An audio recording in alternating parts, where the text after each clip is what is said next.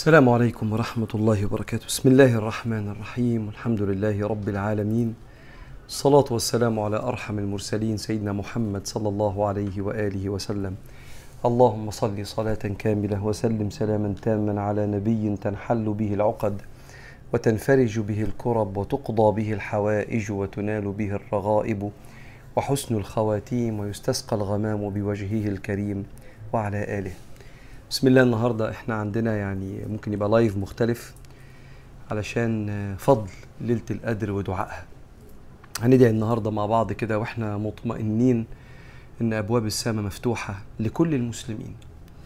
كنا زمان بنقول كده فكرة مريضة فكرة عيانة كده تعبانة إن يعني البني آدم اللي سايب ربنا طول رمضان ويجي له في ال- في ليلة واحدة كده يعني ربنا هيقبله يعني هو الحقيقة آه الحقيقة آه. لو سايب ربنا طول حياته وفي لقطة واحدة يجي لربنا سبحانه وتعالى الله كفيل إنه يقبله ويرحمه ويرفع مقامه.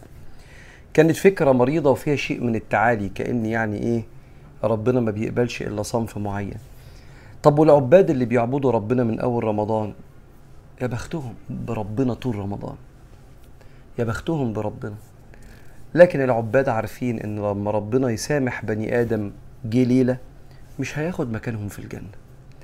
وإنت مش هيبقى عندك أي إشكالية لو إنت عابد ليل نهار منفق متصدق ودخلت جنة ربنا في جوار سيدنا محمد عليه الصلاة والسلام إنك تلاقي واحد من كبار العصاة هو كمان في الجنة لأنه مش هياخد حتة من ملكك. وبعدين مش هيبقى في قلبك أي غضاضة ولا أي زعل لأن ربنا بيقول ونزعنا ما في صدورهم من غل إخوانا على سرر متقابلين. فيا بخت اللي جه لربنا النهارده وربنا بيقول سلام. هي حتى مطلع الفجر. فإحنا لسه الفجر ما قدنش قدامه لسه حوالي أقل من ساعة تقريبا. فإحنا مع ربنا سبحانه وتعالى.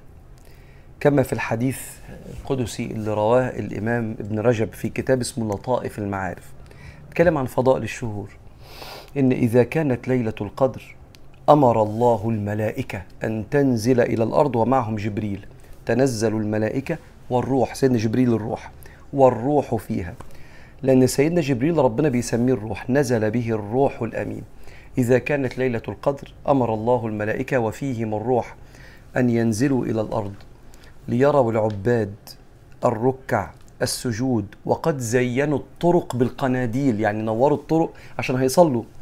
وزينوا أنفسهم بالعبادة والصلاة. فيقول للملائكة انزلوا لتروا عبادي ركعا سجدا وقد طعنتم فيهم. فقلتم أتجعل فيها من يفسد فيها ويسفك الدماء؟ فقلت لكم إني أعلم ما لا تعلمون. فانظروا إليهم وهم يسجدون ويركعون لتعلموا أني اخترتهم على علم على العالمين. اللي بيعبد ربنا النهارده ربنا بيقول للملائكة شفتوا أنتوا قلتوا عشان عندهم إرادة مش هيختاروني. شفتوا أنا اخترت مين؟ وقلت لكم إني أعلم ما لا تعلمون. يفتخر ربنا ويباهي بنا الملائكة. لما الراجل جه لسيدنا النبي عليه الصلاة والسلام قال له يا رسول الله الأقوام زمان في بني إسرائيل كان منهم من يلبس الدرع والسيف في سبيل الله طول عمره قد إيه؟ 85 سنة عايش. وإحنا أعمارنا أقل من كده. فنزل القرآن ليلة القدر خير من ألف شهر. وبالمناسبة ليها أكتر من تفسير عند العلماء. إما ألف شهر اللي هي 84 سنة يعني فيبقى ليلة في كل سنة لو عبدت ربنا يتكتب لك بتحضر بقالك 84 سنة دروس لو بتحضر درس النهارده بتصلي بقالك 84 سنة.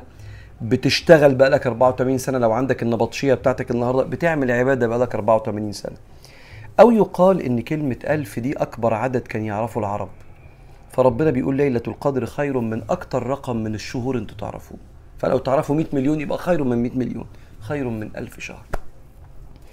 فإحنا في نعمة كبيرة إن إحنا مع بعض النهارده. ربنا يديمها نعمة علينا. اسمحوا لي النهارده مش هجاوب على أسئلة ولا هقرأ حكمة نرفع إيدينا كده في الدقايق المتبقية عشان اسيبكم تتسحروا وندعي ربنا سبحانه وتعالى. يلا هات قلبك. هات قلبك من أي مكان قلبك فيه واحضر كده. فتعالوا نبدأ الأول الدعاء بقراءة الفاتحة. أعوذ بالله من الشيطان الرجيم. بسم الله الرحمن الرحيم. الحمد لله رب العالمين. الرحمن الرحيم. مالك يوم الدين. إياك نعبد وإياك نستعين. اهدنا الصراط المستقيم. صراط الذين أنعمت عليهم غير المغضوب عليهم ولا الضالين. آمين. اللهم لك الحمد كما ينبغي لجلال وجهك ولعظيم سلطانك. اللهم صل وسلم وبارك على أرحم المرسلين. اللهم صل وسلم وبارك على شفيع المذنبين. اللهم صل وسلم وبارك على راحم المساكين وحبيب رب العالمين. يا رب اللهم إنا عبيدك بنو عبيدك بنو إمائك نواصينا بيدك ماض فينا حكمك عدل فينا قضاؤك. نسألك بكل اسم هو لك سميت به نفسك أو أنزلته في كتابك أو علمته أحدا من خلقك أو استأثرت به في علم الغيب عندك. أن تجعل القرآن العظيم ربيع قلوبنا ونور أبصارنا وجلاء همومنا وأحزاننا. اللهم اجعل كل حرف من القرآن قرأناه أثقل من جبل أحد في الميزان وأنت على ذلك قدير.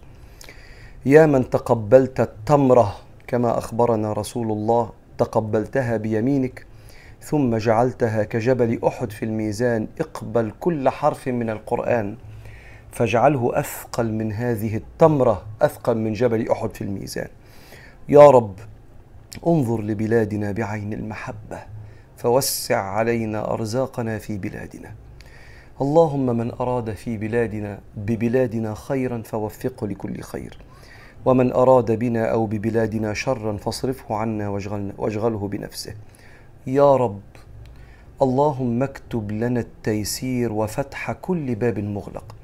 افتح لنا أبواب الرزق افتح لنا أبواب السعادة في بيوتنا. اللهم نجنا من شياطين القسوة والفرقة. وقد ملأت بيوتنا. يا رب احفظ بيوتنا من الشقاق والنفاق والطلاق وسوء الأخلاق. يا رب انظر لنا في بيوتنا نظرة رضا توسع بها علينا في الرحمة والمودة حتى نسكن في مساكننا ونطمئن في بيوتنا. يا رب يا رب وسع علينا في أرزاقنا. وارزقنا جبرا لخاطرنا بعد سعينا. اللهم قو أكتافنا وأبداننا على السعي لطلب الرزق الحلال. اكفنا بحلالك عن حرامك وأغننا بفضلك عمن سواك. اللهم زوج كل من لم يتزوج وبارك في بيت من تزوج. اللهم بارك في ذرياتنا. اللهم واهد أبناءنا وبناتنا. اللهم كره إلينا الكبائر. اللهم انتزع برحمتك من قلوبنا التعلق بكل ذنب يغضبك.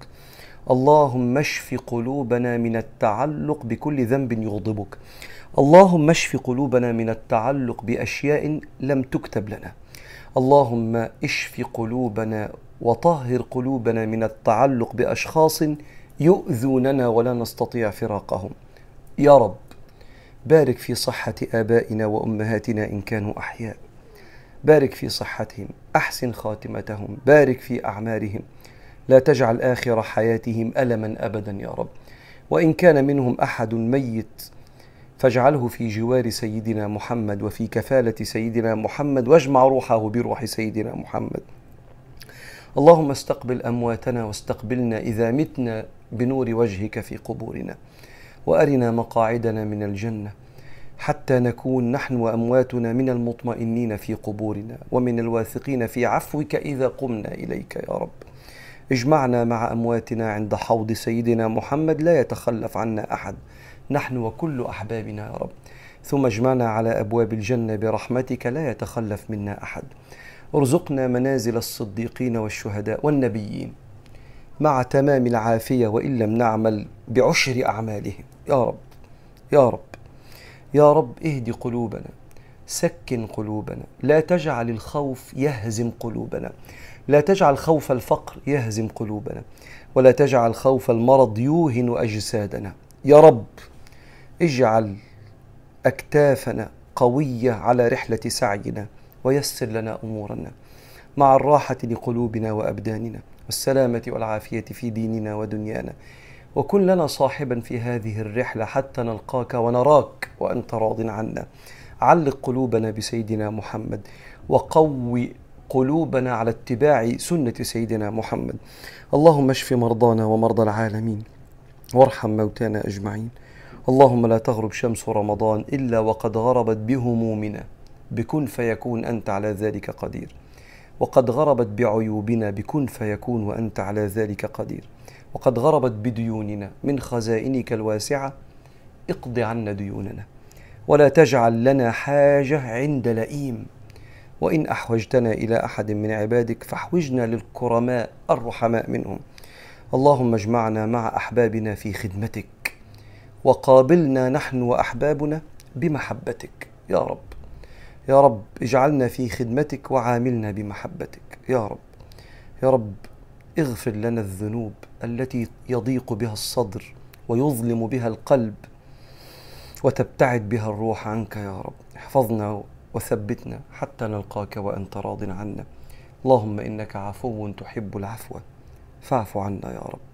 اللهم تقبل منا وأقبلنا على ما كان منا وصل اللهم وسلم وبارك على سيدنا محمد الحمد لله رب العالمين. نشوفكم بكرة إن شاء الله على خير في خاطرة جديدة من خواطر الفجر. شكرا.